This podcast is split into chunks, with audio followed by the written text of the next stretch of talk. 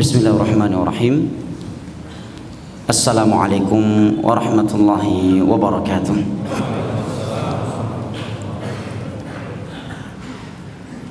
الحمد لله والصلاة والسلام على رسول الله وعلى آله وصحبه وسلم تسليما كثيرا أما بعد Puji dan syukur senantiasa kita panjatkan kehadirat Allah Jalla wa yang telah berfirman wa in ta'uddu ni'matallahi la tuhsuha.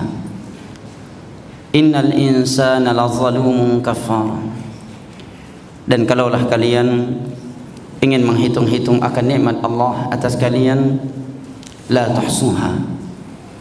Niscaya kalian tidak akan mampu menghitungnya. Sesungguhnya manusia itu pelaku kezaliman dan kekufuran. Alhamdulillah berkat nikmat kesehatan dan kesempatan setelah hidayah taufik dari Allah Jalla wa Ala sama-sama kita telah melaksanakan ibadah salat maghrib berjamaah yang kita memohon kepadanya Rabbana taqabbal minna innaka antas sami'ul alim. Dan insyaallah taala sembari menunggu masuknya waktu salat isya yang merupakan salah satu dari dua salat yang disabdakan oleh Nabi sallallahu alaihi wasallam inna athqala salati 'ala al-munafiqin salatul isya wa salatul fajr walau ya'lamuna ma fihima la atawhuma walau habuha. Sesungguhnya salat yang paling berat bagi orang-orang munafik adalah salat isya dan salat subuh. Dan kalaulah mereka mengetahui akan keutamaannya niscaya mereka akan pergi melaksanakannya sekalipun mereka harus merangkak insyaallah taala sembari kita menunggu masuknya waktu salat isya kita saling mengingatkan antara satu sama yang lain saling mudzakarah saling memberikan nasihat antara satu sama yang lainnya terkait materi yang telah diketahui bersama. Dan mudah-mudahan kita yang duduk di majelis yang mulia ini di rumah Allah yang agung ini di kesempatan kali ini termasuk dari orang-orang yang dikecualikan oleh Allah Jalla wa Ala di dalam firman-Nya yang tertera pada surat Az-Zukhruf di mana Allah Jalla wa Ala berfirman al-akhillau yawma idzin ba'dhum li ba'dhin aduwwun illa al-muttaqin Seluruh orang-orang yang saling cinta mencintai, kasih mengasihi di dunia ini akan saling bermusuhan pada hari kiamat kelak. Kecuali orang-orang yang bertakwa kepada Allah yang membangunkan hubungan yang terjalin di antara mereka di atas al-amru bil ma'ruf wan nahyi 'anil munkar. Al-Imam Ibnu Katsir di dalam tafsir Al-Qur'anil Azim ketika beliau menafsirkan ayat ini beliau menyatakan fa kullu musahabatin wa musadaqatin li ghairi Allah azza wa jalla fa innaha tadhi' wa tasiru adawatan yaumal qiyamah seluruh pertemanan persahabatan yang terjalin di dunia ini yang bukan karena Allah tidak saling menuntun ke jalan Allah semua itu akan sia-sia dan akan menjadi sebuah permusuhan di hari kiamat kelak. Dan sebelumnya jamaah yang dimuliakan Allah saya harapkan kawan-kawan bisa maju ke depan agar saudara-saudara kita yang bagian belakang mendapatkan tempat ya dan di dalam Al-Qur'anul Karim Allah menyatakan wa idza qila wa idza qila inshuzu fanshuzu wa idza qila lakum tafassahu fil fafsahu yafsahillah. Kalau dikatakan kepada kalian luaskanlah majelis ilmu agama maka bersih maka hendaknya kalian memperluaskannya. Niscaya Allah akan memperluaskan dunia dan akhirat kalian. Memperluaskan majelis ilmu agama itu salah satu perintah Allah di dalam surat Al-Mujadilah keutamaannya yafsahillahu lakum. Allah akan perluaskan dunia dan akhirat kalian. Allah akan memperluaskan kebaikan untuk kalian. Ini masih banyak muat di sini. Di depan ini.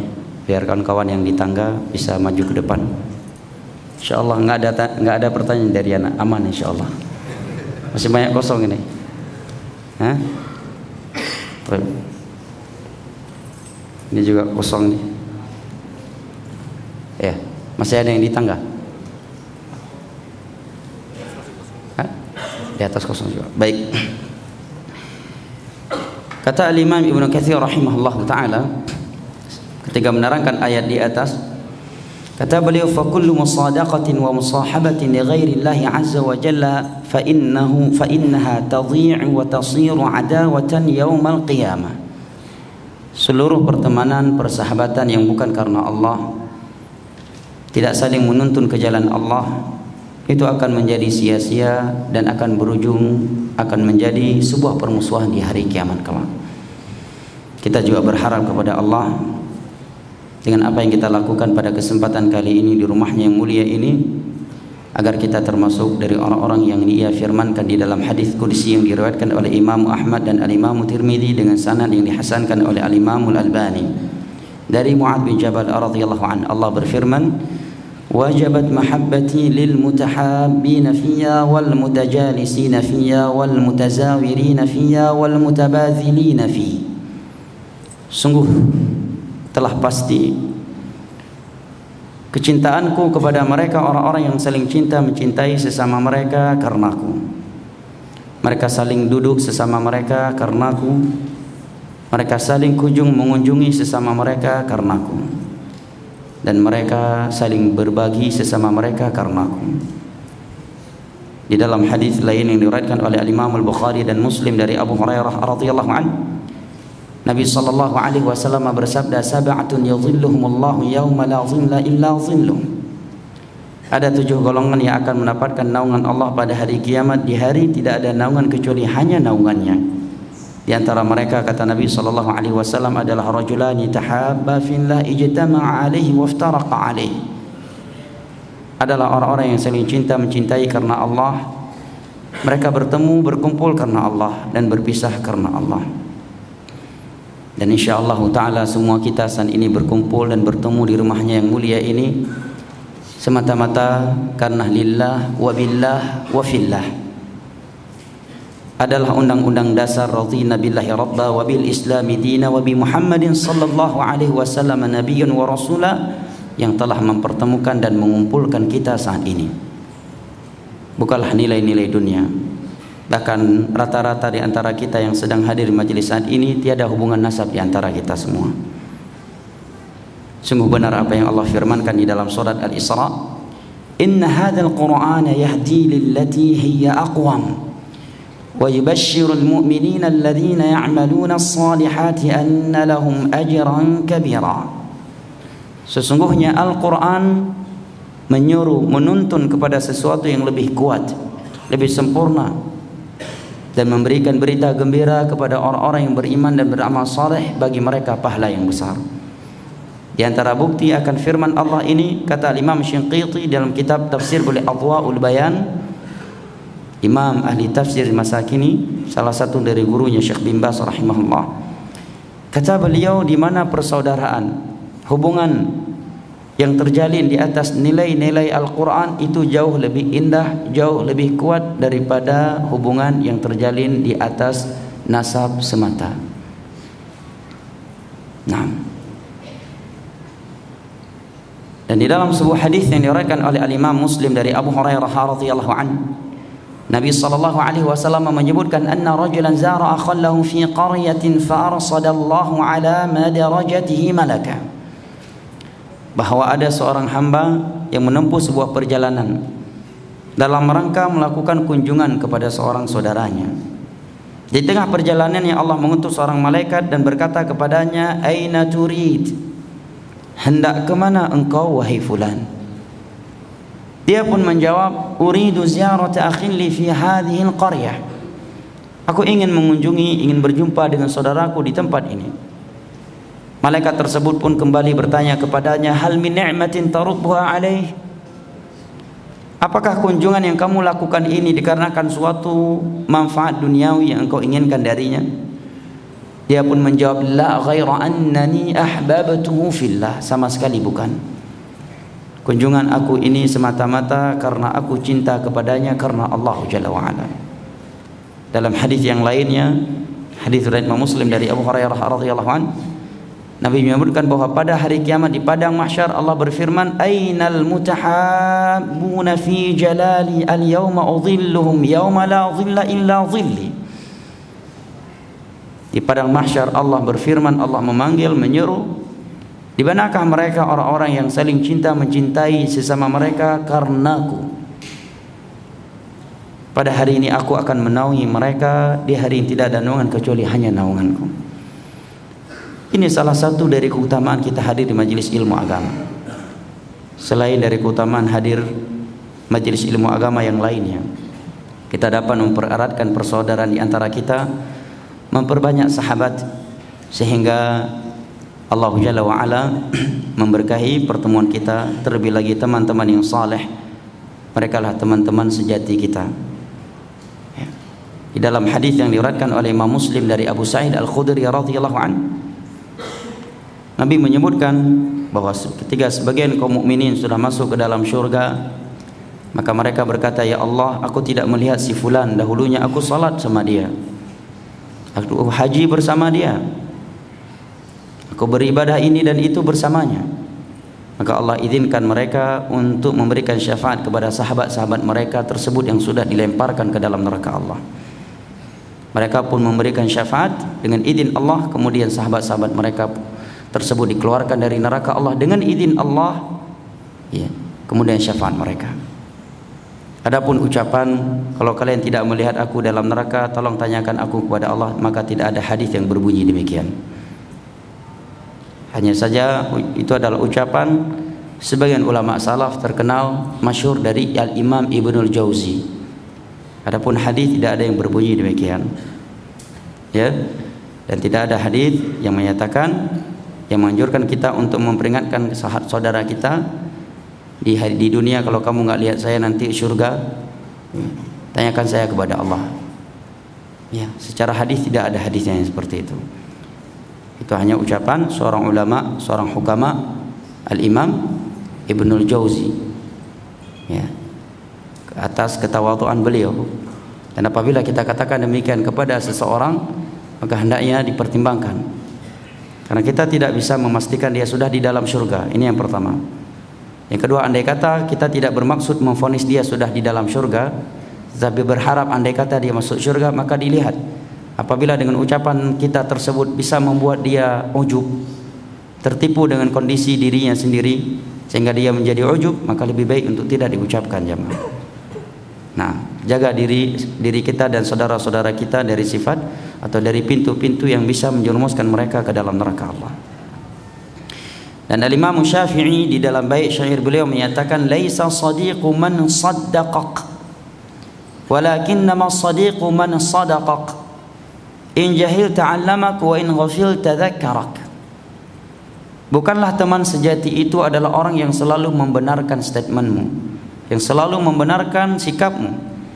Tetapi teman sejati itu adalah orang yang jujur bersamamu. Apa bukti dia jujur bersama kita? Buktinya kata Imam Syafi'i in jahil ta'allamak. Ketika engkau tidak mengetahui, dia memberikan kepadamu pengetahuan. Dia sampaikan ilmu agama, diajarkan dia sampaikan hadis, ayat atau ucapan ulama salaf dalam hal tersebut. Dan jika engkau lalai, dia pun mengingatkanmu. Maka hendaknya kita bersyukur kalau diberikan lingkungan dan sahabat yang seperti ini. Karena terkadang kita melakukan sebuah sikap yang itu bertentangan dengan nilai-nilai syukur atas nikmat sahabat yang baik. Ketika ada kawan nelpon, di mana ente kok nggak ngaji? Sebagian orang tersinggung. Apa urusan ente saya ngaji tidak ngaji? Ya orang lain bukan mengurusin ente, tapi karena dia perhatian sama ente, dia merasa ente adalah sahabat dia. Dia ingin mengambil saham akhirat dalam persahabatannya bersama Anda. Dia pun memberanikan dirinya menelpon Anda untuk mengajak Anda ikut kajian, mengajak Anda melakukan kebaikan ini dan kebaikan itu. Bukan karena dia GU. Bahkan Allah Jalla wa ala berfirman kepada Nabi sallallahu alaihi wasallam dalam surat Al-Kahfi واصبر نفسك مع الذين يدعون ربهم بالغداة والعشي يريدون وجهه.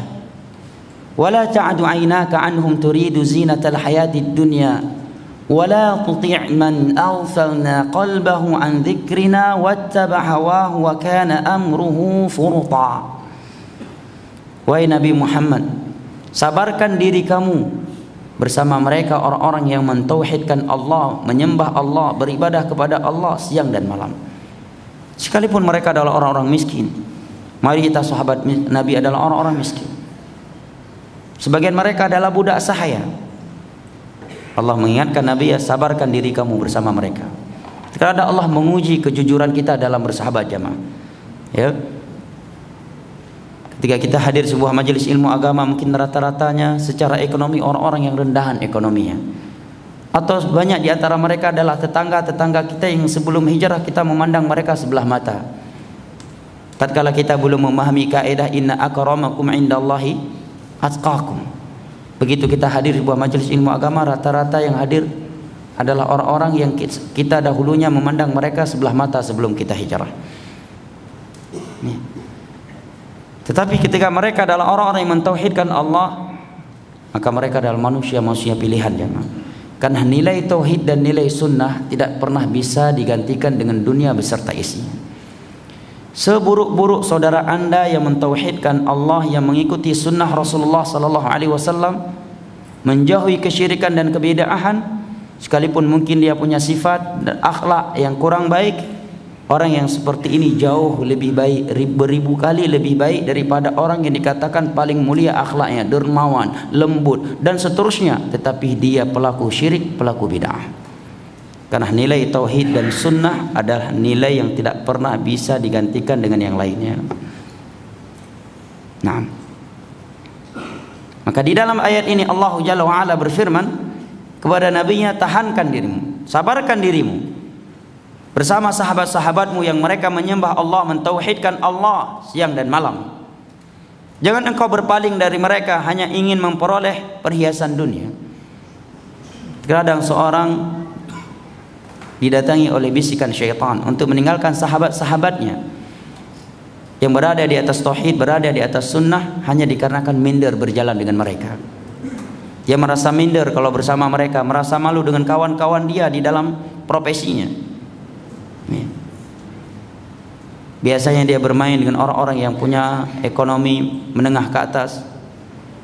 Bergaul dengan teman-teman yang punya pangkat tinggi, ya, punya jabatan luar biasa, punya popularitas. Tiba-tiba dia terlihat di tengah-tengah orang-orang yang berjenggot, celana cingkrang, ya, atau yang semisal dengannya. Di sini terkadang Allah akan uji keimanan dia. Kalau dia merasa malu berarti dia belum jujur di dalam bersahabat. Dia belum memahami kaidah Allah inna akramakum indallahi atqakum. Dia belum memahami kaidah dari Allah am yuriduna al-izzata falillahi al-izzatu jami'a. Dia belum memahami firman Allah qulillahumma malikal mulki tu'til mulka man tasha' wa tanzi'ul mulka mimman tasha' wa tu'izzu man tasha' wa tudhillu man tasha' biyadikal khair innaka ala kulli syai'in qadir. Belum masuk ke dalam hatinya sabda Nabi sallallahu alaihi wasallam yang berbunyi wa ma tawadhu ahadun lillahi illa rafa'ah. Tidaklah ada seorang yang merendahkan dirinya karena Allah melainkan Allah akan mengangkat dia. Hadis riwayat Imam Muslim dari Abu Hurairah radhiyallahu anhu. Maka di dalam ayat ini Allah katakan kepada Nabi sallallahu alaihi wasallam, sabarkan dirimu bersama sahabat-sahabatmu yang mereka mentauhidkan Allah, menyembah Allah siang dan malam dan jangan engkau berpaling dari mereka. Hanya ingin karena ingin memperoleh perhiasan dunia. Dan sebaliknya kata Allah wala tuti' man aghfalna qalbahu an dzikrina wattaba hawa. Dan jangan engkau mengikuti orang-orang yang hatinya telah kami lalaikan dari kami dan suka menuruti hawa nafsunya karena rata-rata orang yang meninggalkan teman yang saleh dikarenakan dia ingin bergabung dan dekat dengan orang-orang yang fa fasik. Dia menjauhi teman-teman akhiratnya demi dekat dengan teman-teman dunianya. Karena akhirat dengan dunia tidak akan pernah bertemu di dalam hati seorang hamba. Syekh Mubil berdalil untuk hal ini dengan firman Allah di dalam surat Al-Ahzab. Allah berfirman, "Ma ja'alallahu li rajulin min qalbayni fi jawfihi." Allah tidak pernah menciptakan jantung atau dua jantung, dua hati di dalam tubuh seseorang. Maknanya dunia dan akhirat tidak akan pernah bertemu di dalam hati seseorang. Nah, kalau akhiratnya kuat, maka dunianya akan melemah. Apabila cinta dunianya menguat, maka cinta akhirat otomatis melemah. Nah, maka di dalam ayat ini Allah katakan, Jangan engkau berpaling dari mereka ingin karena ingin memperoleh perhiasan-perhiasan dunia. dan jangan engkau mengikuti dengan orang-orang yang telah kami lalaikan hatinya dari kami dan selalu melampiaskan menuruti hawa nafsunya. Orang yang seperti itu amruhu furta. Allah cerai beraikan urusannya. Maka insyaallah taala ikhwanil kiram wa akhwati al-karimat rahimani wa rahimakumullah sebagai bentuk rasa syukur kita kepada Allah atas persahabatan di atas sunnah, kebersamaan di atas sunnah. Maka pada kali ini saya ingin mengajak antum semua bermudzakarah terkait sebuah materi yang telah diangkat. Apa materi kita malam ini? Hah? Beradab sebelum berilmu. Barakallahu fik. Tentunya ini adalah sebuah pembahasan yang berat ya. Sebuah pembahasan yang berat terkhusus bagi pribadi saya sendiri. Akan tetapi hal ini saya sampaikan sebagai bentuk mudzakarah di antara kita. Karena Allah telah berfirman wa ta'awanu 'alal birri wat taqwa wa la ta'awanu 'alal itsmi wal 'udwan wattaqullaha innallaha syadidul 'iqab. Yang kedua, sebagai nasihat kepada untuk pribadi saya yang pertama kali dan antum sekalian. Dan demi Allah dan Allah yang Maha mengetahui akan isi hati kita, ya, saya membahas pembahasan ini demi Allah, Allah yang Maha mengetahui akan isi hati kita bukan karena saya sudah pantas dan telah beradab dengan adab yang mulia. Hanya saja kondisi kita seperti yang dikatakan oleh sebagian ulama salaf, Allah tidak menciptakan aroma bau untuk dosa yang kita lakukan. Andai kata dosa itu memiliki bau, niscaya tidak ada orang yang mau duduk bersama saya atau kita. Oleh karenanya Al-Imam Albani ketika beliau dipuji dengan pujian yang luar biasa, maka beliau mengucapkan sebuah doa yang diucapkan oleh Abu Bakar tatkala beliau mendapatkan pujian oleh manusia. Abu Bakar berdoa kepada Allah, Allahumma la tu'akhizni bima yaqulun waj'alni khairan mimma yadhunnun waghfir li ma la ya'lamun. Ya Allah, jangan engkau perkarakan aku atas pujian dan ucapan mereka kepadaku. Ya Allah, jadikan aku lebih baik daripada yang mereka duga. Karena praduga sangkaan manusia kepada kita tidak mengubah kondisi kita di sisi Allah. Waghfir li ma la ya'lamun dan ampunilah dosa-dosaku yang tidak diketahui oleh mereka. Ini yang diucapkan oleh Abu Bakar tatkala beliau dipuji dengan pujian yang luar biasa. Dan ini pula yang diucapkan oleh Syekh Albani rahimahullahu taala muhaddithul asr la thaniyalah ketika beliau dipuji oleh umat manusia. Maka hendaknya doa seperti ini kita hafalkan jemaah. Nah. Ikhwanil kiram rahimani wa rahimakumullah. Berbicara tentang adab. Ya. Pembahasan adab ini masuk ke dalam pembahasan husnul khuluq. Karena kalau kita melihat kepada Al-Qur'anul Karim dan hadis hadis Nabi sallallahu alaihi wasallam, pembahasan adab dalam bahasa kita Indonesia itu datang dalam bahasa Al-Qur'an dan hadis dengan husnul khuluq al-akhlaq. Ya. Kemudian datang para ulama setelahnya ya. Di dalam pembahasan akhlak dan adab kali mereka juga menggunakan kalimat ah, adab dengan panjang ya. Ya, adab. Kalimat al-adab terkadang juga diinginkan dengannya sastra Arab. Nah, adibul qaum, yakni sastra suatu kaum. Tentunya Islam adalah agama yang sudah paling sempurna. Dan referensi kita setiap kali kita berbicara masalah agama dan adab bagian dari agama adalah Al-Qur'anul Karim dan hadis-hadis Nabi sallallahu alaihi wasallam dengan petuah mereka ulama salaf. Maka jangan sampai ketika kita berbicara tentang akhlak yang mulia, adab yang mulia, justru kita lebih sering kembali atau merujuk kepada selain rujukan umat Islam.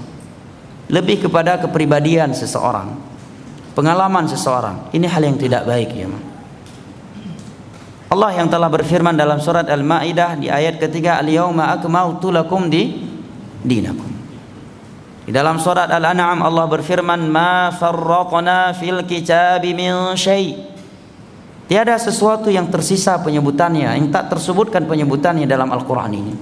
Segala sesuatu yang kita butuhkan itu semua Allah sebutkan Allah terangkan dalam Al-Quran. Baik secara tersurat atau secara tersirat. Maka sebaik-baik referensi sebaik-baik rujukan media ketika kita berbicara tentang akhlakul karimah berbicara tentang adab adalah Al-Quranul Karim adalah hadis-hadis Nabi sallallahu alaihi wasallam. Ini paling sempurna di dalam menerapkan Al-Quran dan hadis adalah mereka para sahabat Nabi. Kemudian para tabi'in kemudian mereka tabi'ut tabi'in. Karena inilah tiga generasi yang telah mendapatkan rekomendasi dari Nabi sallallahu alaihi wasallam. Di dalam sebuah hadis yang diriwayatkan oleh Al Imam Al Bukhari dari Fadhalah bin Ubaid radhiyallahu an Nabi bersabda khairun nasi qarni thumma alladhina yalunahum thumma alladhina yalunahum. Sebaik-baik manusia adalah generasiku. Siapa? Para sahabatnya. Kemudian setelah mereka siapa? Tabi'in. Kemudian setelah mereka tabi'ut tabi'in. Sahabat definisinya adalah man laqiyan nabiyya sallallahu alaihi wasallam mu'minan bih wa ma ta'ala dzalik walau takhallalat riddah. Ini definisi yang paling sempurna, yang paling mencakup dari definisi sahabat Nabi yang disebutkan oleh Al-Imam Ibnu Hajar dalam kitabnya Nukhbal Fikr dengan syarahnya Nuzhatun Nazar. Sahabat itu adalah orang yang bertemu dengan Nabi dalam keadaan beriman kepada Nabi. Maka dengan itu Abu Lahab CS tidak dinamakan sahabat Nabi sekalipun berjumpa dengan Nabi. Mukminan bih beriman kepada Nabi. Wa mata ala dzalik dan mati di atas keimanan. Maka orang-orang yang murtad setelah Nabi meninggal tidak dinamakan sahab, sahabat, maka kemurtadan tersebut tidak boleh dinisbatkan ke sahabat Nabi. Walau takhallalat riddah. Dia beriman jumpa bersama Nabi bertemu dengan Nabi dalam keadaan beriman, mati dalam keadaan beriman sekalipun sebelum matinya pernah murtad kemudian kembali lagi kepada ajaran Islam. Adapun orang yang di masa Nabi beriman kepada Nabi tetapi tidak bertemu dengan Nabi dan dia mati di atas keimanan nama, mereka dinamakan dengan istilah mukhadram. Seperti Uwais Al-Qarni. Atau di masa Nabi dia bertemu dengan Nabi dalam keadaan belum beriman. Setelah Nabi meninggal baru dia beriman. Maka ini dinamakan mukhadram. Tabi'in yang paling afdal adalah mereka al-mukhadramun. Tidak dikatakan sahabat tetapi dinamakan mukhadram. Dan mereka bagian dari tabi'in nah tiga generasi ini adalah orang yang paling sempurna dalam menerapkan Al-Qur'an adab Al-Quran adab akhlak yang tersirat atau yang tersurat dalam Al-Quran dan hadis dari Nabi Sallallahu Alaihi Wasallam karena rekomendasi dari Nabi di atas tadi. Dan di dalam hadis lain yang diriwayatkan oleh Al-Imam Tirmizi dari Abu Hurairah radhiyallahu anhu dengan sanad yang disahihkan oleh Syekh Mukbi dalam kitabnya Al-Jami'us Sahih mimma laysa fi sahihain Nabi menyatakan yu'khadul ilmu minkum wa mimman sami'ahu minkum wa mimman mimman sami'ahu minkum. Ilmu ini diambil dari kalian. Siapa? Para sahabat ya. Yeah diambil dari orang yang telah mendengarnya langsung dari kalian. Siapa? Tabi'in murid mereka para sahabat. Wa mimman mimman sami'ahu mimman sami'ahu minkum. Dan dari orang-orang yang telah mendengarnya langsung dari orang-orang yang telah mendengarnya langsung dari kalian. Siapa? Murid para tabi'in bersilsilah secara generasi maka tiga generasi ini adalah sebaik-baik generasi umat Islam Adapun secara individu maka akidah Islamiyah tidak ada satupun manusia yang maksum dari kesalahan kecuali Nabi Muhammad sallallahu alaihi wasallam. Oleh karenanya dari sisi perbuatan tidak ada perbuatan seorang individu muslim dari semenjak masa sahabat dan seterusnya yang dijadikan sebagai sumber hukum kecuali perbuatan Nabi sallallahu alaihi wasallam. Maka dia menjadi sumber hukum. Karena definisi hadis adalah ma udhifa ila nabiy sallallahu alaihi wasallam min qaulin aw fi'lin aw tah aw taqririn aw sifatin khuluqiyatin aw khalqiyah. Sesuatu yang dinisbatkan kepada nabi baik ucapan, perbuatan, iqrar atau sifat beliau. Itu definisi hadis. Naam. Dan akhlak, budi pekerti yang baik itu adalah anugerah dari Allah Jalla wa ala. Oleh karenanya dalam surat Al-Qalam ketika Allah Jalla wa'ala bersumpah dengan beberapa sumpah apa sumpah yang pertama? Nun wal qalami wa ma yasturun. Allah berfirman bersumpah dengan qalam, pena. wa ma yasturun dan apa yang mereka tulis dan merupakan kaidah dalam bab tauhid setiap makhluk tidak boleh bersumpah dengan makhluk. Ya. Barang siapa yang bersumpah dengan makhluk dia telah berbuat syirik. Bisa syirik besar dan bisa syirik kecil. Terhitung syirik besar kalau dia agungkan orang tersebut seperti pengagungan dia kepada Allah. Ya. bisa jadi syirik kecil kalau tidak ada penyamaan antara dia dengan dia dengan Allah atau menganggap sebagai sebab kebaikan. Dan Nabi bersabda, "Man halafa bi ghairillah faqad asyrak." Barang siapa yang bersumpah dengan selain nama Allah, maka sungguh dia telah berbuat syirik. Lalu apa kafarahnya apabila seorang tak sengaja tiba-tiba bersumpah dengan selain nama Allah mungkin karena baru mengaji. Jangankan kita para sahabat aja yang baru masuk Islam terkadang keluar dari mereka kalimat-kalimat yang mengandung kesyirikan dan diingkari oleh Nabi. Tapi mereka belum sempat jatuh ke dalam seperti contoh ucapan seorang sahabat masya Allah wa syi'ta.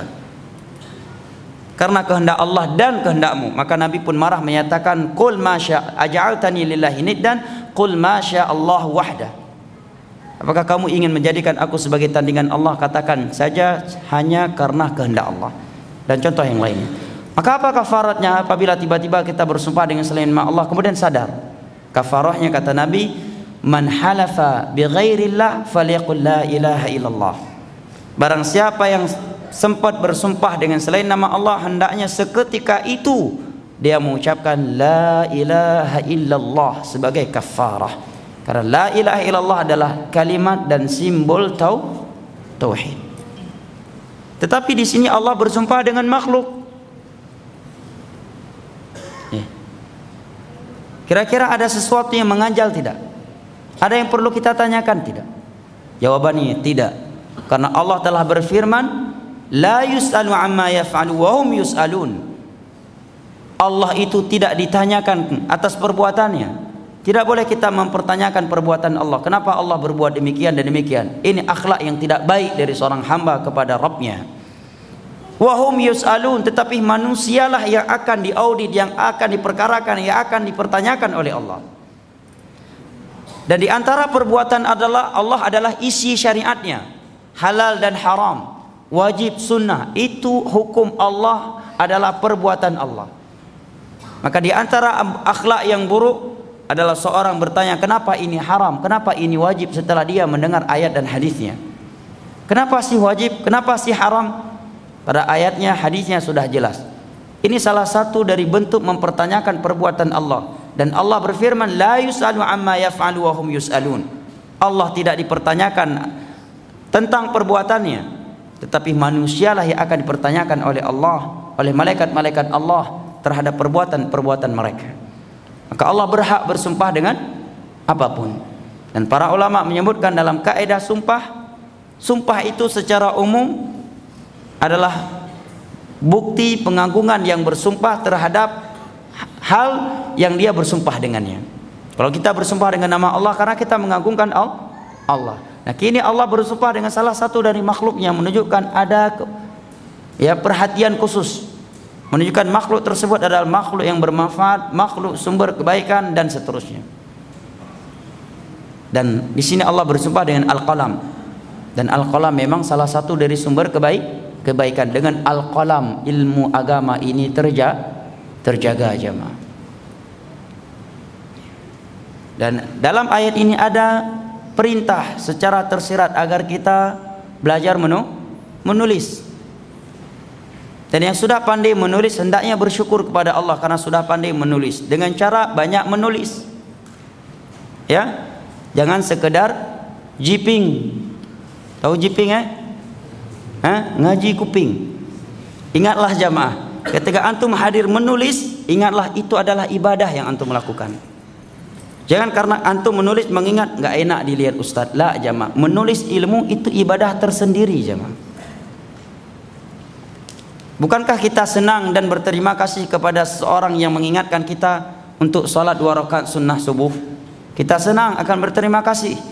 Semestinya demikian pula kita senang dan berterima kasih kepada orang yang telah mengingatkan kita untuk menulis ilmu agama karena itu juga ibadah. Disebutkan oleh Imam Khatib Al-Baghdadi dalam beberapa kitab adab beliau dan seluruh ulama yang membahas adab ilmu. Mereka menyebutkan di antara adab ilmu yang Nabi perintahkan adalah menulis qayyidil ilma bil kitabah. Itu hadis Nabi. Ikatlah ilmu itu dengan tulisan. Sebagian ulama berpantun dengan sebuah pantun dengan syair dalam masalah ini. Kata mereka العلم صيد والكتابة قيده. العلم صيد والكتابة قيده. فقيد صيودك بالحبال الواثقة. فإن من الحماقة أن تصود صيودا وتطلقها في الخلائق طالقة. علم itu laksana hewan buruan dan pena ada tali untuk mengikatnya. Maka ikatlah buruanmu hewan buruanmu dengan ikatan yang sangat kuat. Karena merupakan bukti seorang itu nggak punya akal ini syair ya yang saya terjemahkan. Jangan memperkarakan saya ya. Baik, ini kira uh, keras sekali bahasa ini syair. Saya cuma menerjemahkan. Saya cuma menerjemahkan. Kata ulama salaf dan syair di atas tadi merupakan bukti seseorang itu dungu dia belajar tanpa menulis itu seperti orang yang menangkap hewan buruan setelah ditangkap tidak diikat dan dibiarkan begitu saja Hah? Ini ulama salah yang berkata. Kena siapa yang kena? Mungkin di antara mereka adalah saya sendiri. Baik. Imam Az-Zuhri juga Imam Az-Zuhri salah satu gurunya Imam Malik. Namanya Muhammad bin Muslim bin Abdullah bin Ubaidillah Abu Muhammad. Beliau adalah orang yang pertama kali membukukan hadis Nabi dalam sejarah Islam atas perintah Amirul Mukminin Umar bin Abdul Aziz di masa itu. Hanya saja yang beliau kumpulkan waktu itu tidak berjudul berjudul dengan bab-bab yang ada seperti Sahih Bukhari dan semisal dengannya. Kata beliau, "Hudur majlis majlis ilm bila kitabah dzul." Hadir di majelis ilmu agama tanpa membawa catatan adalah sebuah kehinaan. Siapa yang berkata demikian? Imam Zuhri. Ini baru salah satu dari pembahasan adab yang kita bahas. Sudah mulai kita tersinggung ya kan? Belum kita bahas sisi adab yang lainnya. Ini baru mukadimah kajiannya, Pak. Makanya juga minta bahas adab kalau belum siap dengan bahasa-bahasa ulama salaf. Kalau udah mau kaji pembahasan adab harus siap menerima bahasa-bahasa yang pedas dari ulama salaf jamaah. Hah? Ini baru contoh ke kecil. Ya. Dan alhamdulillah sarana untuk menulis nggak mesti buku dan pena ya kan? Antum yang bawa HP, keluarkan sekarang HP-nya. Hah? Hidupkan mode pesawat, bukan notnya. Tulis, Anda termasuk dari orang yang menulis. Sehingga bisa selamat dari ucapan Imam Az-Zuhri tadi. Taib. Kita kembali lagi kepada surat Al-Qalam tadi. Allah bersumpah nun wal qalami wa ma yasturun. Setelah itu ma anta bi ni'mati rabbika bimajnun setelah itu Allah menyatakan innaka la'ala khuluqin azim maka dari itu para ulama menyatakan kalau kita ingin membahas bab akhlak bab adab maka nabilah sebagai cermin adab cermin akhlak yang mulia untuk kita jemaah tidak ada yang lebih sempurna daripada beliau Apabila seorang guru ingin menyampaikan tentang akhlak, tentang adab, andai kata dia hanya menyebutkan ayat hadis atau dia tambah lagi dengan ucapan ulama salah sudah cukup, nggak perlu dia ceritakan pengalaman pribadinya dalam bab akhlak. Tidak perlu dia mencontohkan pribadinya dalam bab akhlak jamaah. Dan itu sifat para ulama. Bahkan Syekh Fauzan saja dalam sebuah muhadarah ketika beliau pernah ditanya tentang biografi beliau, apa kata beliau? Untuk apa kamu mengetahui biografiku? Baca aja biografi Rasulullah sallallahu alaihi wasallam dan para sahabatnya, itu jauh lebih bermanfaat untuk kamu. Kata Syekh Saleh Fauzan. Kalau kita beda kan? Wah, gua S1 S2. S1 gua kumlot. S2 kumlot. S3 kumlot. Sekarang ya, saya begini begini. Enggak, jangan. Tapi kata Syekh Saleh Fauzan karena kamu sudah bertanya, saya mengingat firman Allah wa amma sa'ila fala tanhar. Orang yang bertanya jangan kamu hardik. maka orang yang bertanya punya hak untuk mendapatkan jawaban. Beliau pun menyampaikan sekilas begitu aja. Taib.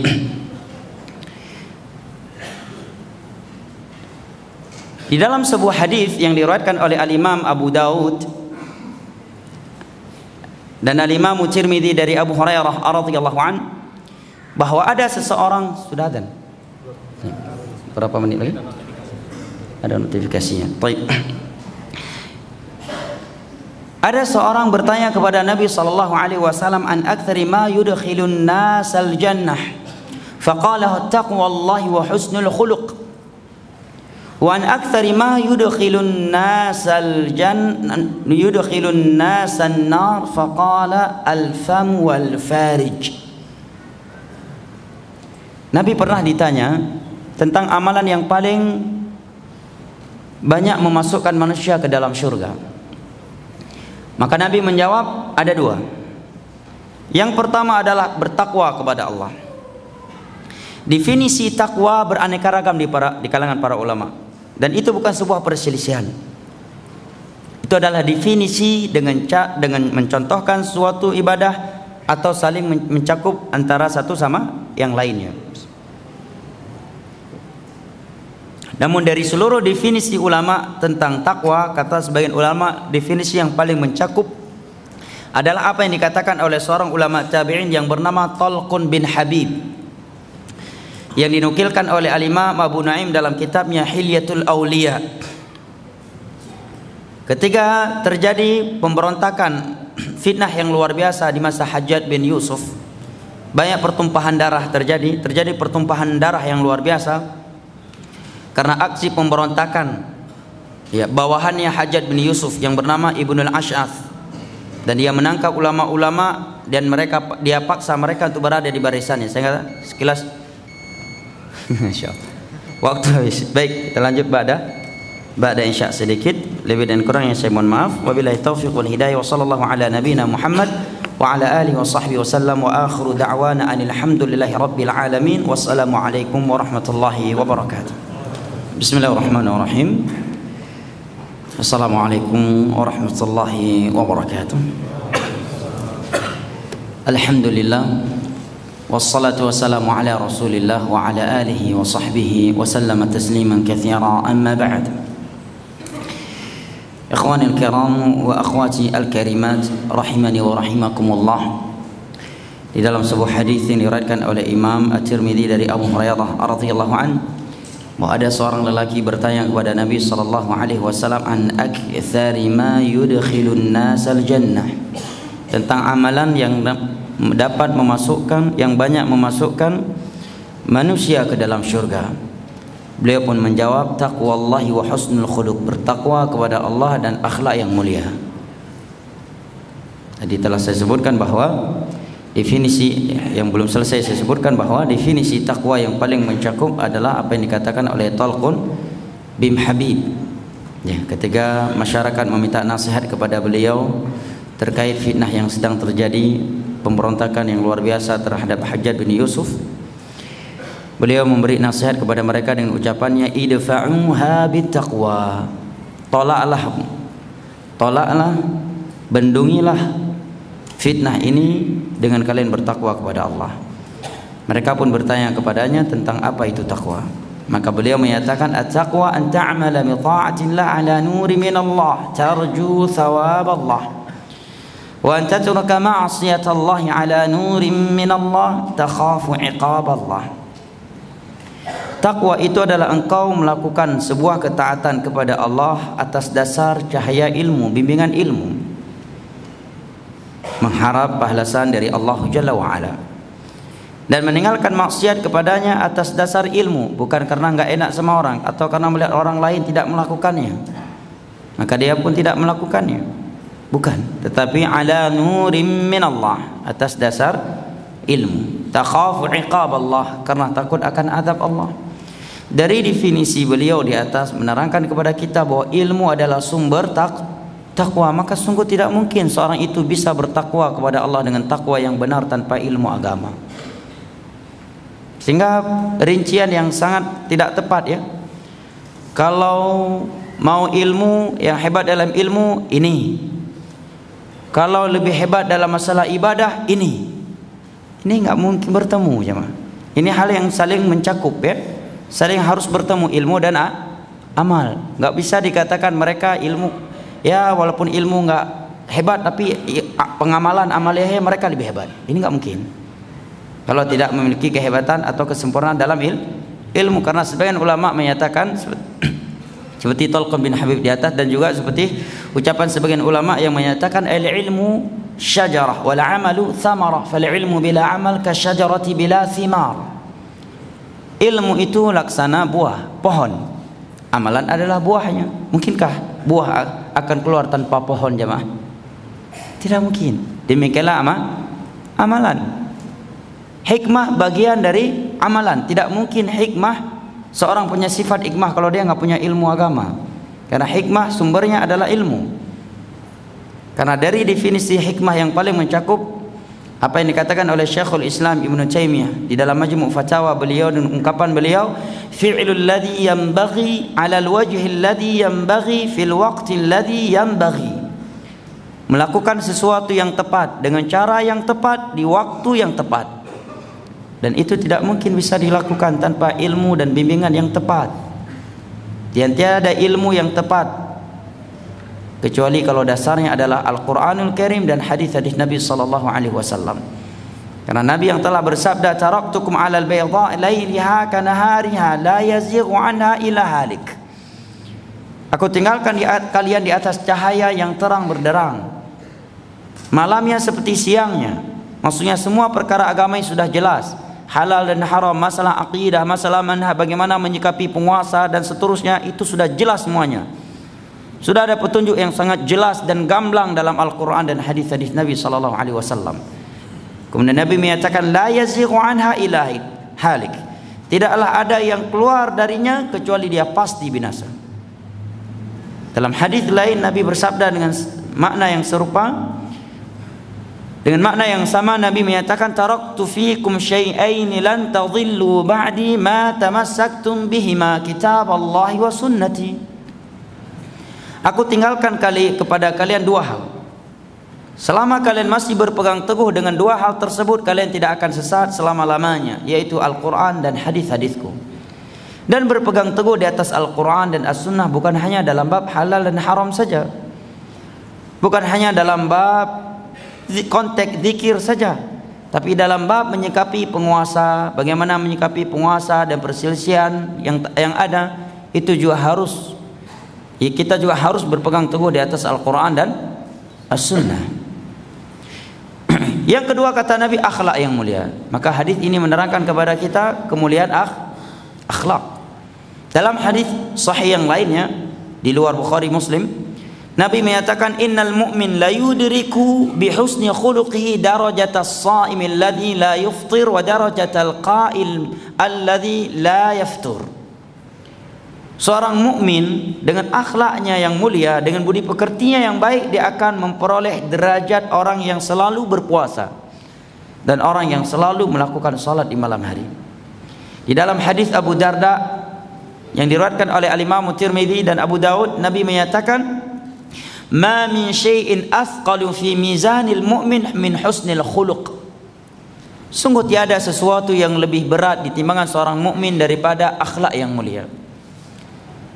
Dari Aisyah radhiyallahu anha dalam riwayat yang sahih Nabi menyatakan ana za'imun bi baitin fi rabadil jannah liman taraka al-kadhiba wa in kana maziha. Wa bi baitin fi wasatil jannah liman taraka al-mira wa in kana muhiqqa wa bi baitin fi a'la al-jannah liman hasuna khuluquh Aku menjamin sebuah rumah di bawah syurga untuk orang yang meninggalkan dusta walaupun dalam dalam rangka bercanda. Dusta tetap tidak boleh jemaah walaupun dalam rangka bercanda. bercanda. Kalau kita mampu meninggalkannya ini keutamannya. Dan itu hal yang sulit. Seringkali kita jatuh ke dalam dusta ketika kita bercanda, bercanda jemaah. Ya. Nah hadis yang seperti ini hendaknya menjadi memicu kita untuk meninggalkan dusta. Di dalam hadis yang lain Nabi menyatakan wailul liman kadziba liman haddatha fakadziba liyudhika bihil qauma fawailul lahum wa wailul lah. Wail Wail itu sebagian ulama menyatakan maknai wadin finnar, sebuah lembah dalam neraka. Yang jelas apabila ada kalimat wail untuk sebuah dosa maka ini tanda bahwa ini menandakan itu adalah kabirah min kabairidz dzunub, merupakan dosa besar. Ini salah satu kaedahnya. Ya, kaedah dalam mengetahui sebuah dosa itu adalah dosa besar. Sebutkan oleh Imam Az-Zahabi di awal kitab beliau Al-Kabair. Sungguh celaka wail bagi orang yang berbicara kemudian berdusta tujuannya untuk menghibur sebagian kaum untuk menertawakan suatu kaum seperti yang dilakukan kalangan apa? Hah? Startup komedi. Ya. Yeah. Taib.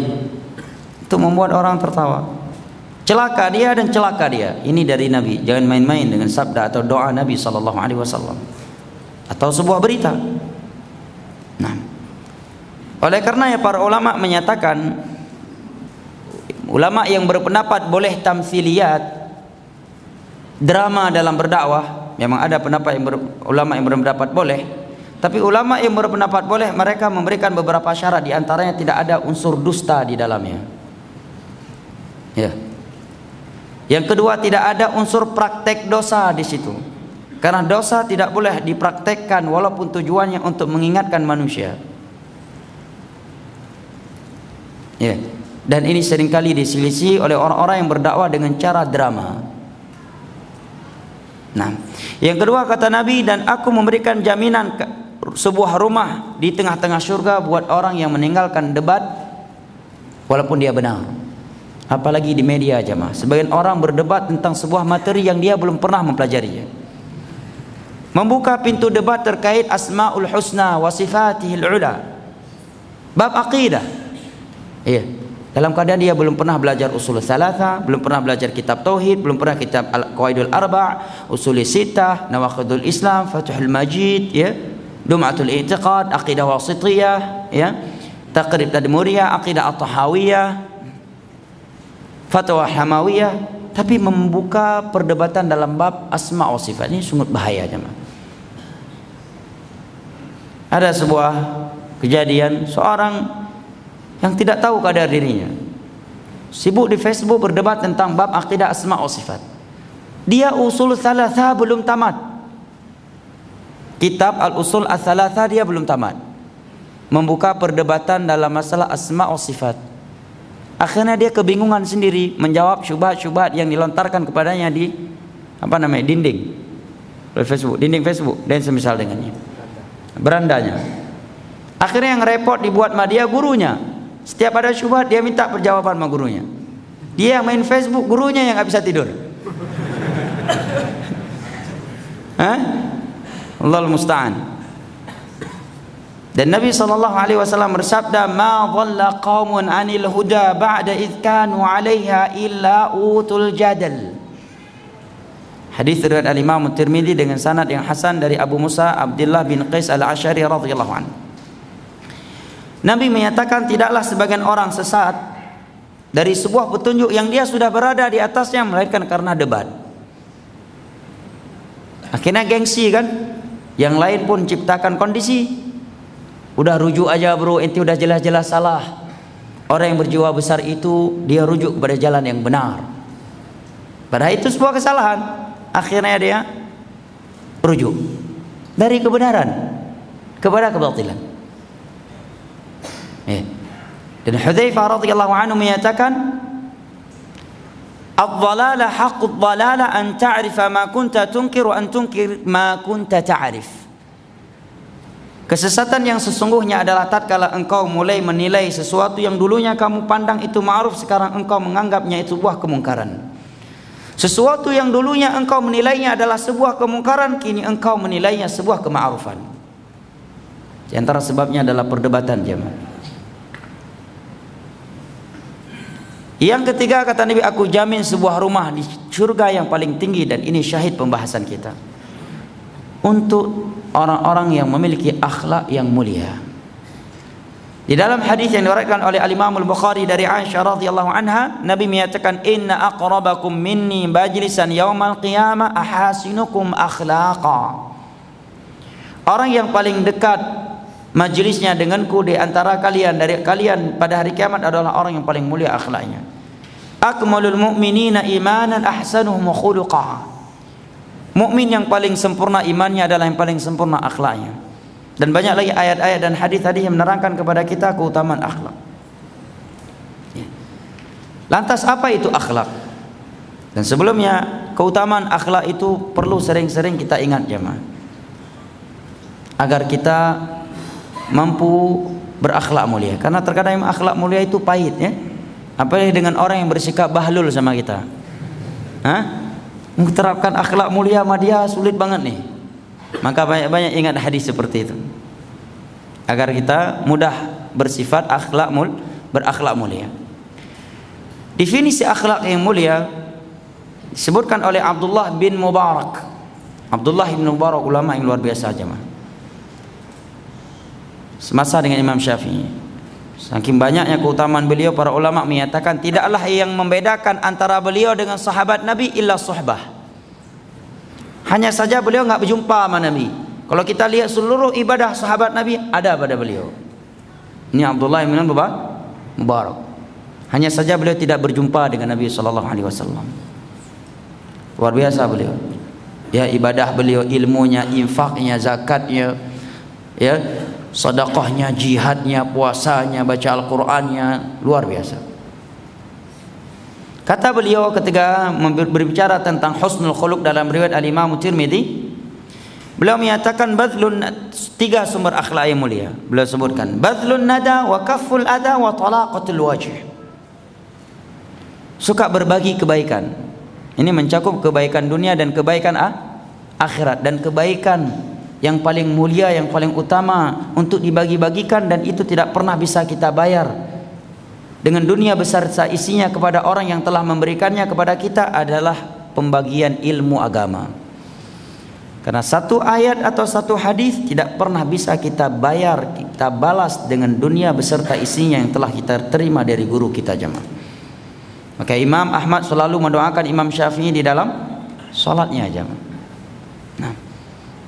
Andai kata kita mengirim uang satu triliun tiap bulan kepada guru kita yang telah menerangkan kepada kita aqidatus salaf, manhajus salaf, menerangkan kepada kita fikih wudhu yang benar, fikih salat yang benar, fikih haji yang benar, fikih umrah yang benar. Demi Allah itu belum terbayar satu persen pun ya ma.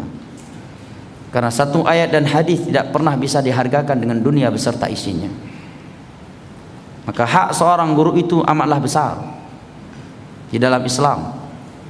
Nah, bahkan Hasan Al-Basri menyatakan guru agamamu walaupun kamu secara fisik tidak terlalu dekat dengannya dia lebih berjasa untuk kamu daripada kedua orang tuamu. Kedua orang tuamu hanya menyelamatkan engkau dari api dunia sedangkan menyelamatkan engkau dari kelaparan berusaha memberikan engkau pendidikan dunia agar masa depan bagus dan seterusnya. Sedangkan guru-guru agama mereka menyelamatkan kalian dari neraka Allah dengan menerangkan akidah yang benar memperingatkan kalian dari bahaya syirik dari bahaya bidah dari bahaya maksiat dan seterusnya. Yang kedua kata Abdullah bin Mubarak kaful adza menahan diri untuk tidak mengganggu orang lain. Yang ketiga talaqatul wajh wajah yang berseri-seri ketika jumpa dengan seorang. Karena ada orang kalau kita berjumpa dengan dia seakan-akan ada gunung yang jatuh menimpa dia. Wajahnya selalu cemerut. Seakan-akan di dunia ini cuma dia yang paling miskin. Seakan-akan di dunia ini cuma dia yang jomblo. Hah? Seakan-akan di dunia ini cuma dia yang belum punya suami. Seakan-akan di dunia ini cuma dia yang paling sakit. Setiap jumpa sama dia kita ikut sakit lihat air wajahnya. Kita ikut pusing. Sampai lupa mana istri gara-gara lihat wajah dia. Ini enggak cocok, enggak layak jemaah. Nabi menyatakan, "La tahqiranna minal ma'ruf syai'a walau an talqa akhaka biwajhin taliq." Jangan engkau rendahkan sebuah kebaikan sekecil apapun dia walaupun dengan senyum di hadapan wajah saudaramu. Dan Nabi menyatakan inna tabassumaka ala wajhi akhika sadaqah. Senyumanmu di depan wajah saudaramu adalah bentuk sedekah. Jadi kalau ada orang yang tak kita kenal senyum sama kita, jangan kita bertanya siapa itu orang, kenapa senyum sama saya? Dia senyum karena anda mukmin, dia ingin bersedekah, bersedekah. Tapi jangan pula dengan hadis ini ente pulang senyumin istri orang, itu menimbulkan fitnah. Eh? wala taqrabuz zina innahu kana fahishatan wa sa'a sabila kata ustaz tadi hadis senyuman itu sedekah. Pulang turun dari kajian jumpa sama akhwat semua akhwat disenyumin sama dia. Sedekah. Itu membuka pintu kerusakan terhadap diri sendiri. Taib. Daf'al mafasid muqaddam ala jalbil masalih. Ini kaidah dalam agama. Menutup pintu kerusakan lebih diprioritaskan daripada membuka pintu kebaikan. Apabila dengan melakukan suatu amalan yang baik, amalan yang sunnah bisa menjerumuskan kita kepada hal yang makruh atau haram, maka menutup pintu mafsadah lebih diutamakan daripada membuka pintu mas maslahah. Nah, Syekh Utsaimin menambah perkara yang keempat. Ya. Dari sumber akhlak yang mulia. Maka beliau menyatakan akhlak yang mulia itu adalah badlun nada wa kafful ada wa talaqatul wajh wa sabru 'alal adha. Engkau suka berbagi kebaikan dengan orang lain? Engkau menjaga dirimu tidak men, me, me, mengganggu orang lain? Suka senyum dengan orang lain? Yang keempat, bersabar atas gangguan orang lain. Lihat bagaimana indahnya Islam. Di satu sisi kita dituntut berakhlak mulia dengan orang lain, untuk berbagi kebaikan, mudah senyum, ya. Kemudian tidak mengganggu orang lain. Tapi jika ada orang lain yang tidak melaksanakan tiga perkara di atas, kita dituntut untuk bersabar bersamanya. Dan itu bagian dari akhlak yang mulia. Allah berfirman dalam surat Al-Furqan wa kadzalika ja'alna ba'dakum li ba'dhin fitnah atasbirun wa kana rabbuka basira. Dan demikianlah kami jadikan sebagian kalian ujian terhadap sebagian yang lainnya. Apakah kalian akan bersabar? Dan terkadang jamaah ada orang kalau kita nggak sabar sama dia bisa-bisa kita harus pindah rumah. Hah? Dalam bertetangga. Kalau kita nggak punya sifat sabar, kita mungkin nggak akan hadir lagi majelis ilmu agama. Gak ada cara lain dengan dia kecuali harus sabar. Ada orang-orang seperti itu. Bahkan terkadang dalam sholat Allah menguji kesabaran kita. Hah? Begitu sholat, masya Allah, bau gudang haram sebelah. Hah? Burketnya luar biasa. Putus bulu hidung kita dibuat oleh burketnya. Ini kalau nggak sabar bisa-bisa pulang kita. Nggak sholat jamaah. Banyak-banyak ingat hadis itu. Ayat di atas. Wa kadzalika ja'alna ba'dakum li ba'dhin fitnah. Ya, apalagi pas kami belajar di Yaman, sebagiannya kan masih ada Arab-Arab Badui masih natural Yaman itu kalau belajar ya ini Arab udah ngambil sendal kita kita sedang duduk nunggu sendal kita dari kaki dia dan dia pun tahu. Pakai sendal kita tapi merasa macam tak berdosa. Nggak ada cara lain kecuali sabar. Taib. Wa kadzalika ja'alna ba'dakum li ba'dhin fitnah. Atasbirun wa kana rabbuka basira. Ini akhlak bersama manusia. Dan pembahasan akhlak adalah pembahasan yang mulia, yang yang sangat luas mah ya. Secara garis umum kesimpulannya bahwa akhlak terbagi menjadi dua, adab terbagi menjadi dua. Yang pertama bersama al-Khaliq dan yang kedua bersama makhluk. Bersama al-Khaliq adalah bersama Allah Jalla wa ala. Seorang itu dikatakan telah berakhlak bersama Allah tatkala dia telah menjalankan perintah Allah dan meninggalkan larangannya. Dan perintah Allah yang paling besar adalah tauhid. Sebagaimana larangan Allah yang paling keras adalah syirik. Syekh Muhammad bin Abdul Wahab di awal kitab Al-Usul Ats-Tsalatsa menyatakan wa a'zamu ma amara Allah bihi tauhid. Wa a'zamu ma nahallahu anhu syirk. Ma'ruf perintah Allah yang paling besar adalah tauhid. Dan larangan Allah yang paling keras adalah syirik. Oleh karenanya para ulama menyatakan orang yang berakhlak mulia dengan Allah adalah ahli tauhid. Dan manusia yang paling keji akhlaknya, yang paling buruk akhlaknya bersama Allah adalah para pelaku syirik. Dan pelaku syirik menurut fonis Allah dalam Al-Quran adalah manusia yang paling zalim di atas permukaan bumi ini. Allah berfirman di dalam surat Luqman, Inna syirka la zulmun azim. Sesungguhnya syirik adalah kezaliman yang paling zalim. Pelaku syirik adalah manusia yang paling zalim. Dai-dai yang menyuruh kepada kesyirikan adalah manusia yang paling zalim di atas permukaan bumi ini. Menurut fonis Allah di dalam Al-Quranul Karim dari surat Luqman, mereka manusia yang paling zalim di muka bumi ini.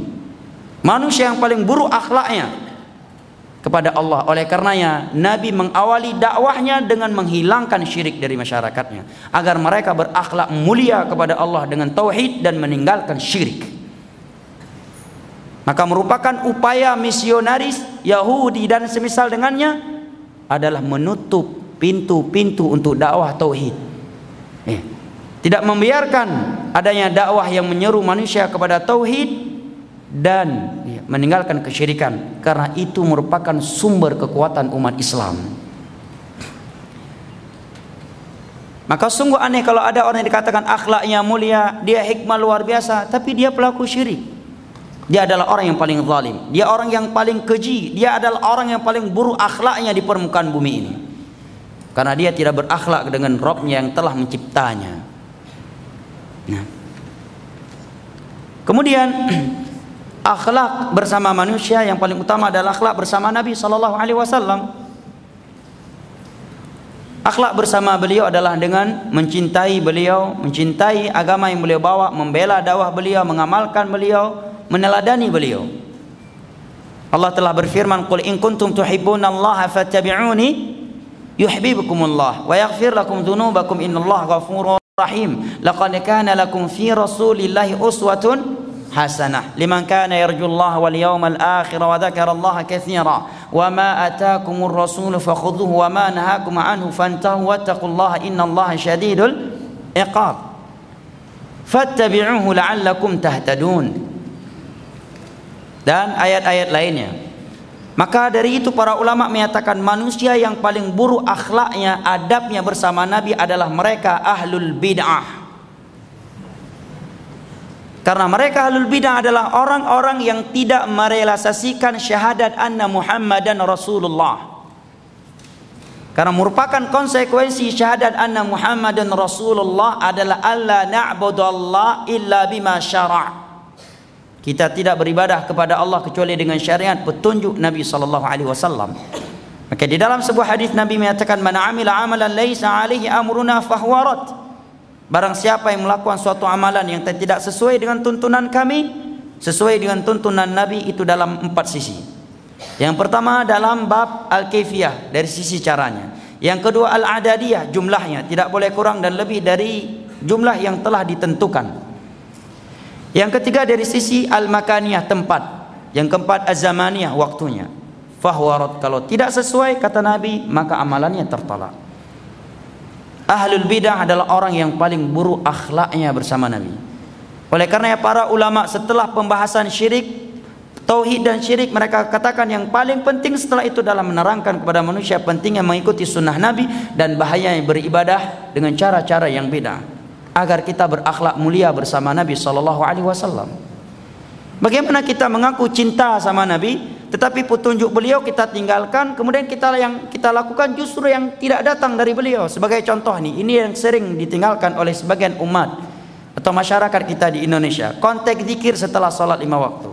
Sudah jelas-jelas konteks zikir dari Nabi sallallahu alaihi wasallam itu adalah setelah salam astagfirullah astagfirullah astagfirullah Allahumma anta salam wa minka salam tabarak ya dzal jalali wal ikram la ilaha illallah wahdahu la syarika la lahul mulku wa lahul hamdu wa huwa ala kulli syai'in qadir la haula wa la quwwata illa billah la ilaha illallah mukhlis la ilaha illallah mukhlisina lahu din walau karihal kafirun Allahumma la mani lima a'ti wa la mu'ti lima mana wa la yanfa'u dzal jaddi minkal jadd Kemudian subhanallah 33 kali atau 11 kali, alhamdulillah 33 kali atau 11 kali, Allahu akbar 33 kali atau 11 kali.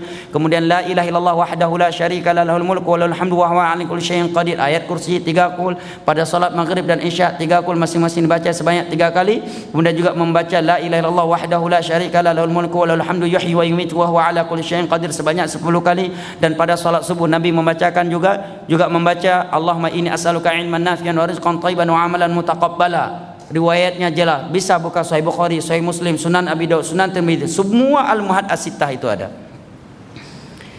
dan tidak mungkin S1, S2, S3 dari Timur Tengah nggak tahu konteks zikir setelah salat lima waktu. Tidak mungkin, mustahil. Mau sekolah di mana dia? Mau di Mesir? Kalau dia sholat di masjid-masjid masih ditulis konteks zikir. Hampir seluruh masjid di Arab itu di kiblat itu ditulis konteks zikir setelah sholat lima waktu.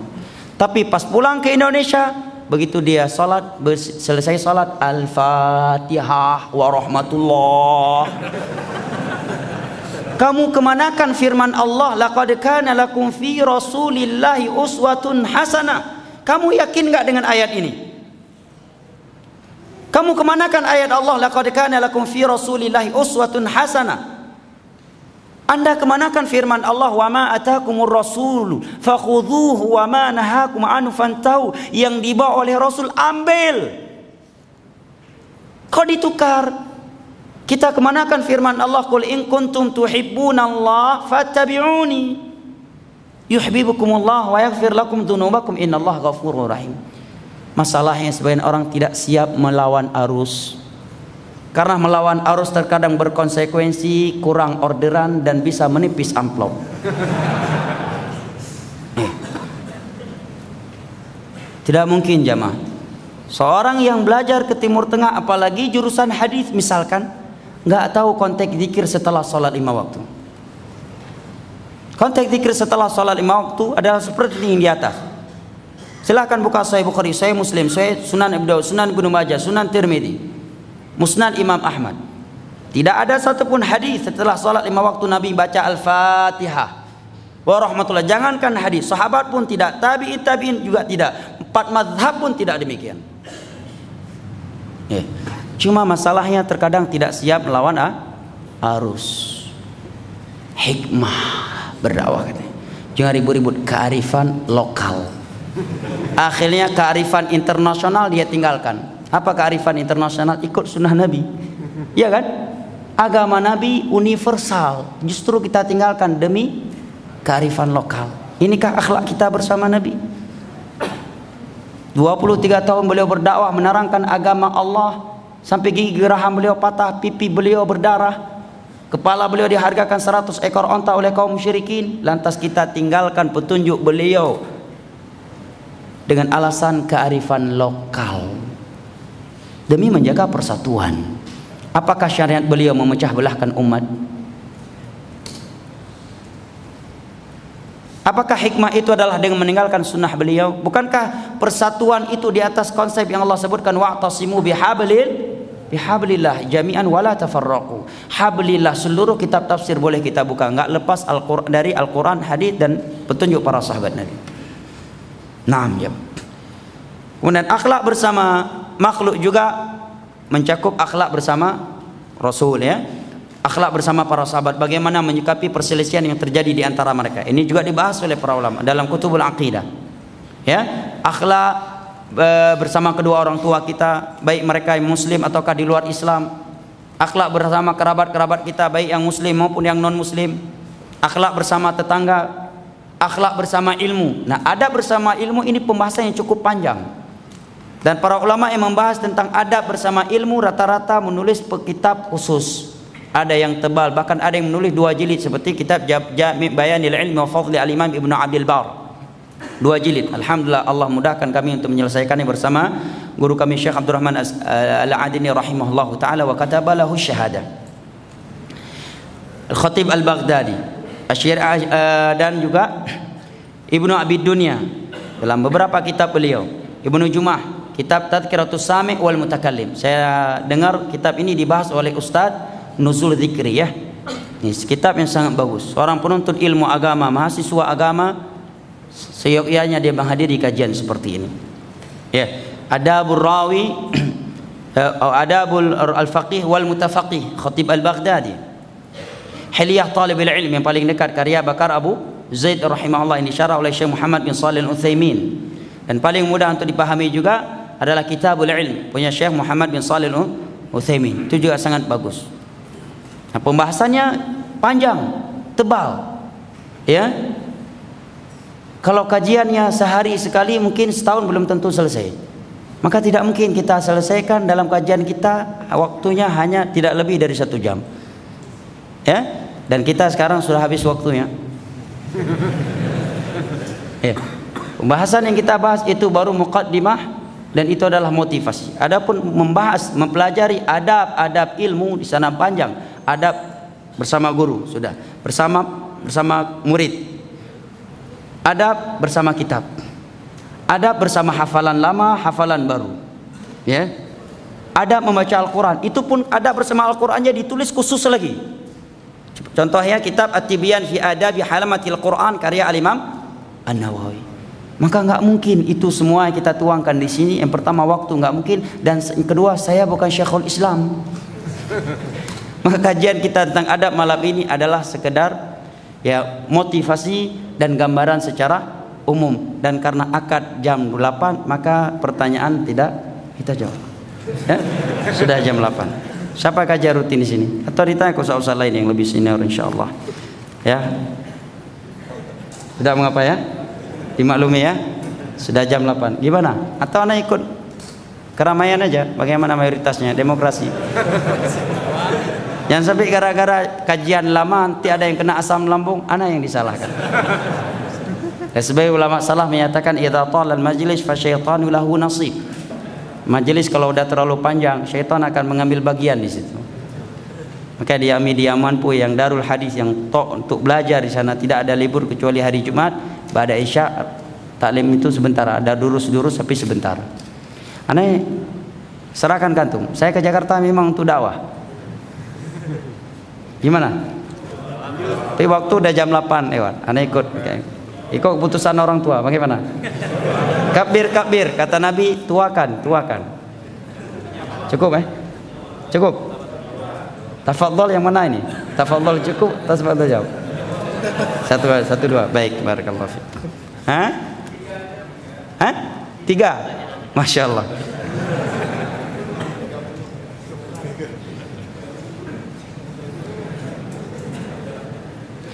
Assalamualaikum Ustaz Waalaikumsalam warahmatullahi wabarakatuh Ada sebuah faedah yang disebutkan oleh guru ana Syekh Abdurrahman Al-Adini rahimahullah dari Syekh Uthaymin bahwa kalau antum hadir di majelis ilmu agama dan kita belum berpisah nulis pertanyaan maka tidak perlu lagi menulis assalamualaikum karena kita belum terpisahkan dengan sebuah bangunan atau yang lainnya. Dan itu salah satu adab di dalam salam.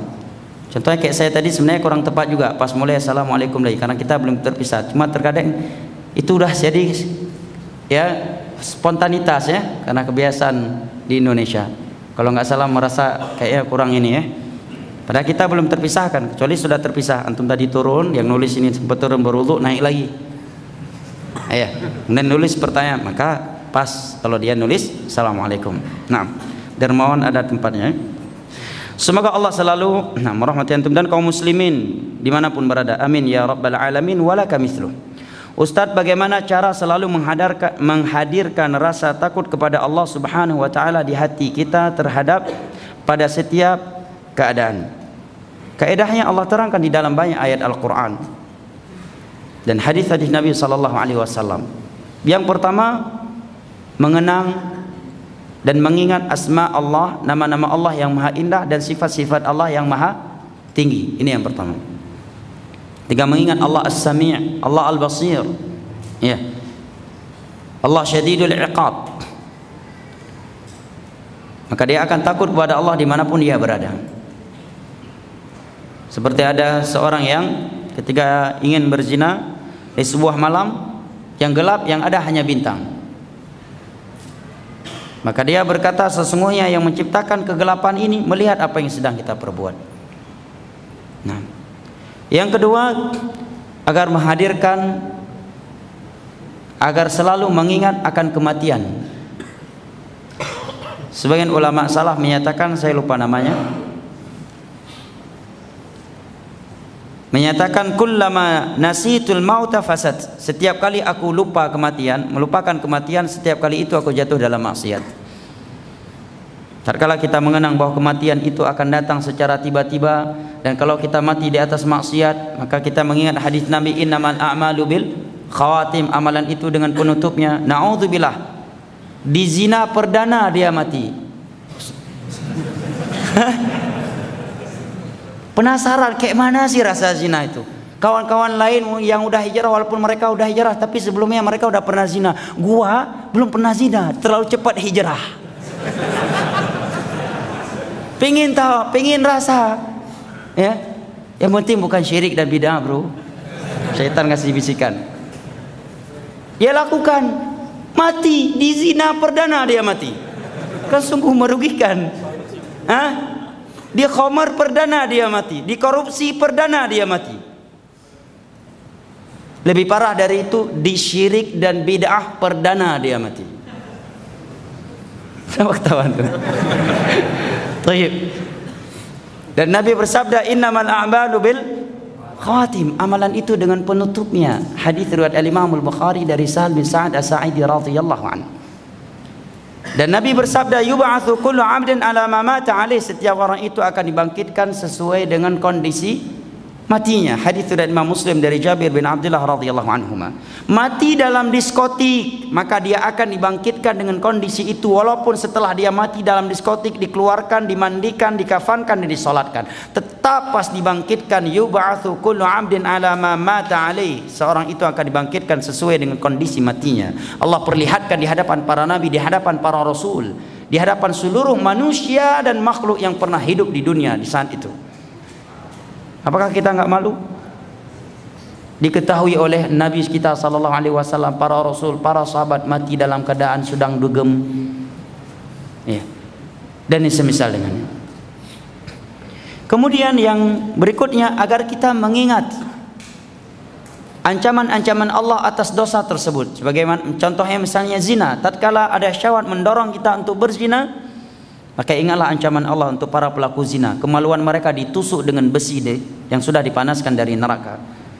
Mereka dimasukkan dalam sebuah wajan besar yang berisikan air atau minyak yang mendidih. Kemudian mereka ditenggelamkan ke dalamnya oleh Allah Jalla wa'ala. Oleh karena yang disebutkan dari beberapa cerita ulama salaf datang dari beberapa ulama salaf hampir serupa ceritanya. Ada seorang alim yang sangat saleh Suatu ketika ada orang-orang jahat yang ingin mengetes iman beliau. Maka mereka meminta membayar seorang wanita pelacur untuk menggoda, merayu beliau agar beliau jatuh ke dalam zina. Kan ada orang-orang yang seperti itu kerjaannya, ya kan? Ya. Dan itu memang Allah kabarkan dalam Al-Quran. Wallahu yuridu ayatuba alaikum wa yuridu alladhina yattabi'una syahwati an tamilu mailan azima. Allah ingin kalian taubat, taat, tapi orang-orang yang ingin melampiaskan syahwatnya maunya kalian tidak taat sama Allah. Terganggu dia dengan ada orang yang taat di sisinya. Maka mereka meminta kepada seorang wanita pelacur yang cantik jadi wanita menggoda ulama tersebut. Ada beberapa cerita ya, hampir serupa semuanya. Salah satunya wanita tersebut di malam yang sangat dingin mengotok pintu alim tersebut. Setelah dibuka, dia pun langsung masuk ke dalam. Bagaimana perasaan antum? Masuk seorang wanita ke dalam kamar kos antum di tengah malam. Hah? Di siang bolong aja bisa ngeri ya kan? Bisa runtuh jenggot ini dan bisa kena stroke langsung. Apalagi di malam hari. Ya, bagaimana lagi qadarullah, ya kan? Syaitan mulai bermain. Yang penting bukan syirik bid'ah bro. Ya, insyaallah keutamaan tauhid bisalah menghapuskan itu. Nabi akan memberikan syafaat kepada ahli tauhid walaupun mereka pelaku dosa besar. Ya, mulai syubhat main. Ya. Begitu dia masuk langsung dia membuka seluruh pakaiannya sehingga tidak ada yang tersisa dari pakaiannya sehelai benang pun. Bagaimana itu? Hah? Ente jomblo, single, senior, ya. Tiba-tiba ada wanita masuk ke kamar kos ente cantik jelita. Ya. Seperti istri raja Mesir yang menggoda Nabi Yusuf. Ini berat jemaah. Istri raja Mesir. Hah? ini ulama apakah jatuh? Apa yang beliau katakan? Ada dua kisahnya. Satunya langsung ke kamar mandi. Dia ambil kotoran dari kamar mandi dia usapkan ke, ke seluruh tubuhnya Kemudian dia balik. Kalau kamu mau mau ya silahkan. Dia lihat ada kotoran di tubuhnya ada tai. Gimana mau berzina? Langsung lari itu perempuan. nah ini trik yang bagus juga nih. Tapi kayaknya sulit ya. Nasallallahu salam afiyah. Yang kedua, ulama ini mengambil besi yang sudah dia panaskan karena di malam yang sangat dingin. Kemudian dia bawakan ke depan wanita tersebut. Kalau kamu mampu mena, uh, tahan disiksa dengan ditusukkannya besi panas seperti ini ke dalam kemaluanmu, maka aku akan mau melakukannya. Ya. Dan apa kiranya kalau di saat kita berzina langsung kita mati? Maka wanita tersebut pun langsung bertobat. Suaminya nakal. Semenjak kejadian itu dia lihat istrinya berubah soleh. Justru suaminya menyatakan istri saya ini rusak gara-gara alim itu. Kan memang ada suami kayak gitu kan? Istrinya dulu ketika buka aurat, buka-bukaan seperti ayam potong, senang dia, bangga dia. Begitu istrinya menutup aurat mulai minder nih. Aduh istriku ikut agama apaan nih tutup-tutup beginian. Ya, ada memang suami yang seperti itu. Kenapa mereka mampu seperti itu jamaah? Karena selalu hadir asmaul husna wa sifat asma Allah al husna dan sifat-sifat Allah yang maha tinggi hadir di dalam hati mereka bahwa kematian itu datang secara tiba-tiba. Seorang itu dengan penutup amalannya. Seorang itu akan dibangkitkan dengan kondisi matinya. Hadir di dalam hati mereka adab kubur, nikmat kubur, padang mahsyar, al-qantara, as-sirat, al-hisab, al-mizan di mana seorang sebagian orang ada dihisab oleh Allah di hari kiamat selama panjangnya seperti 400 tahun di dunia ini mengenang neraka Allah, mengingat bagaimana minuman penghuni neraka Allah, mengingat bagaimana adab yang paling ringan dalam neraka Allah. Menyentuh bersalaman aja dengan wanita yang bukan mahram, adabnya ditusuk dengan jarum daripada besi, apalagi lebih dari itu. Dengan seperti itu kita akan berani dan mudah meninggalkan maksiat jamaah. Makanya ketika Nabi Yusuf alaihissalam diuji oleh Allah dengan ujian yang begitu besar dan beliau selamat Allah sebutkan salah satu rahasianya adalah beliau adalah orang yang selalu takut kepada Allah. Laula arra'a burhana. Sudah ada bisikan di hati beliau yang lumrah pada seorang lelaki terhadap wanita. Tapi karena beliau mengenang, mengingat Allah, besaran Allah dan juga karena beliau seorang hamba yang ikhlas, kami nasrif anhu, kami palingkan beliau dari itu. Dan sebab yang lain jamaah yang pertama kali hendaknya kita ucapkan adalah doa. Jangan kita tertipu dengan solehan kita. Karena yang pertama kali keluar dari mulut Nabi Yusuf ketika digoda oleh istri Raja Mesir dan kondisi yang begitu menegangkan. Beliau yang pertama kali keluar dari mulut beliau ketika Allah katakan warawadathu allati huwa fi baiti an nafsihi wa ghallaqatil abwaba wa qalat haytalak. Ketika istri Raja Mesir sudah menutup pintu-pintu istananya, jendela-jendela yang ditutup semua. Kemudian dia katakan, silahkan wahai Yusuf. Apa yang pertama kali keluar dari mulut Nabi Yusuf? Ma'adzallah, aku berlindung kepada Allah. Beliau tidak ujub, beliau serahkan kekuatan iman beliau kepada Allah. Mungkin kalau kita, eh, gua ustad ya, nggak usah roy-roy ustad, gua ustad, kuat gua. Gua ustad nih, jangan coba-coba roy gua, gua masih kuat, karena memang di hadapan Allah ramai. Kalau di tengah malam bisa runtuh juga jenggotnya. Gua ustad ya, gua orang soleh nih, coba-coba gua. 4 tahun gua. 10 tahun gua belajar agama. Insyaallah nggak tertipu.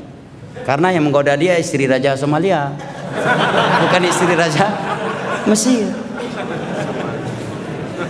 Dan tentunya inna akramakum indallahi atqakum. Lebih dari itu Nabi Yusuf diancam akan dipenjarakan kalau tidak mau berzina dengan istri raja Mesir apa doa Nabi Yusuf alaihi salam? Yang menandakan bersihnya hati beliau. Betapa bencinya beliau kepada maksiat walaupun lezat rasanya untuk sementara waktu. Doa beliau kepada Allah Rabbi in Rabbi sijnu ahabu ilayya mimma yad'unani ilaihi wa illa tasrif anni kaidahunna asbu ilaihinna wa akum minal jahilin. Ya Allah penjara lebih aku pilih daripada seruan zina yang mereka seru ini rahmat, ini karomah jemaah. Tatkala seorang benci maksiat dan cinta ketaatan, inilah karomah yang paling besar. Kata Syekhul Islam di akhir kitab Wasitiyah ketika beliau membahas tentang karamah aulia, kata beliau wa a'zamul karamat al istiqamah ala dinillah. Karamah yang paling besar yang Allah anugerahkan kepada hambanya adalah istiqamah di atas agamanya. Doa Nabi Yusuf, ya Allah, penjara lebih aku pilih daripada zina yang mereka tawarkan kepadaku. Pada yang ingin berzina sama beliau siapa? Istri Raja Mesir. Ya, dan ibu-ibu arisan lainnya yang bersama istri dari masjid. Pakai bahasa-bahasa zaman sekarang ya kan? Kan disebutkan di situ wanita-wanita yang tadi yang mencela istri Raja Mesir karena ingin perkosa Nabi Yusuf, begitu mereka melihat Nabi Yusuf juga tertarik kepada Nabi Yusuf. Kemudian beliau menggunakan dhamir mimma yad'unani ilaih menunjukkan seruan untuk berzina bukan tidak datang hanya dari istri Raja Mesir. Lebih dari satu wanita. Mimma yad'unani ilaih menggunakan hunna dhamir untuk wanita yang berjumlah tiga atau le lebih. Penjara lebih aku sukai, lebih aku pilih daripada tawaran zina mereka. Dan jika engkau tidak menyelamatkan aku, menjauhkan aku dari seruan ini ya Allah, aku akan jatuh ke dalamnya dan dengan itu akan menjadi orang yang jahil. Beliau merendahkan dirinya di hadapan Allah. Doa jam, apalagi kita di zaman sudah yang sudah seperti ini. Antum lagi tinggal di Jakarta. Sering-sering ke Jakarta bisa-bisa pulang kaca tinggal Al-Fatihah. ya. Antum tinggal di Jakarta, ya lingkungan seperti ini, Apalagi beberapa tempat Masya Allah tempatnya luar biasa Kalau sempat mengantuk Atau pura-pura ngantuk bisa salah masuk Bukan ke kamar kos masuknya Ke kamar diskotiknya di sampingnya Bahkan sebagai tempat kajian di atas Masya Allah ribuan orang yang ikut kajian Di bawahnya tempat prostitusi Hah? Kalau salah-salah masuk atau pura-pura salah masuk mengantuk di mana kajiannya? Nggak tahu pintu masjid masuknya ke pintu diskotik. Begitu masuk salah nih bukan masjid ya gimana nih qadarullah. saya jatuh dia. Maka nasihat saya yang pertama jamaah hal yang di atas tadi, yang kedua khususnya para anak muda jaga penampilan anda seorang muslim. Memang penampilan bukanlah prinsip, peci bukanlah prinsip. Peci ini nggak wajib, jubah nggak wajib.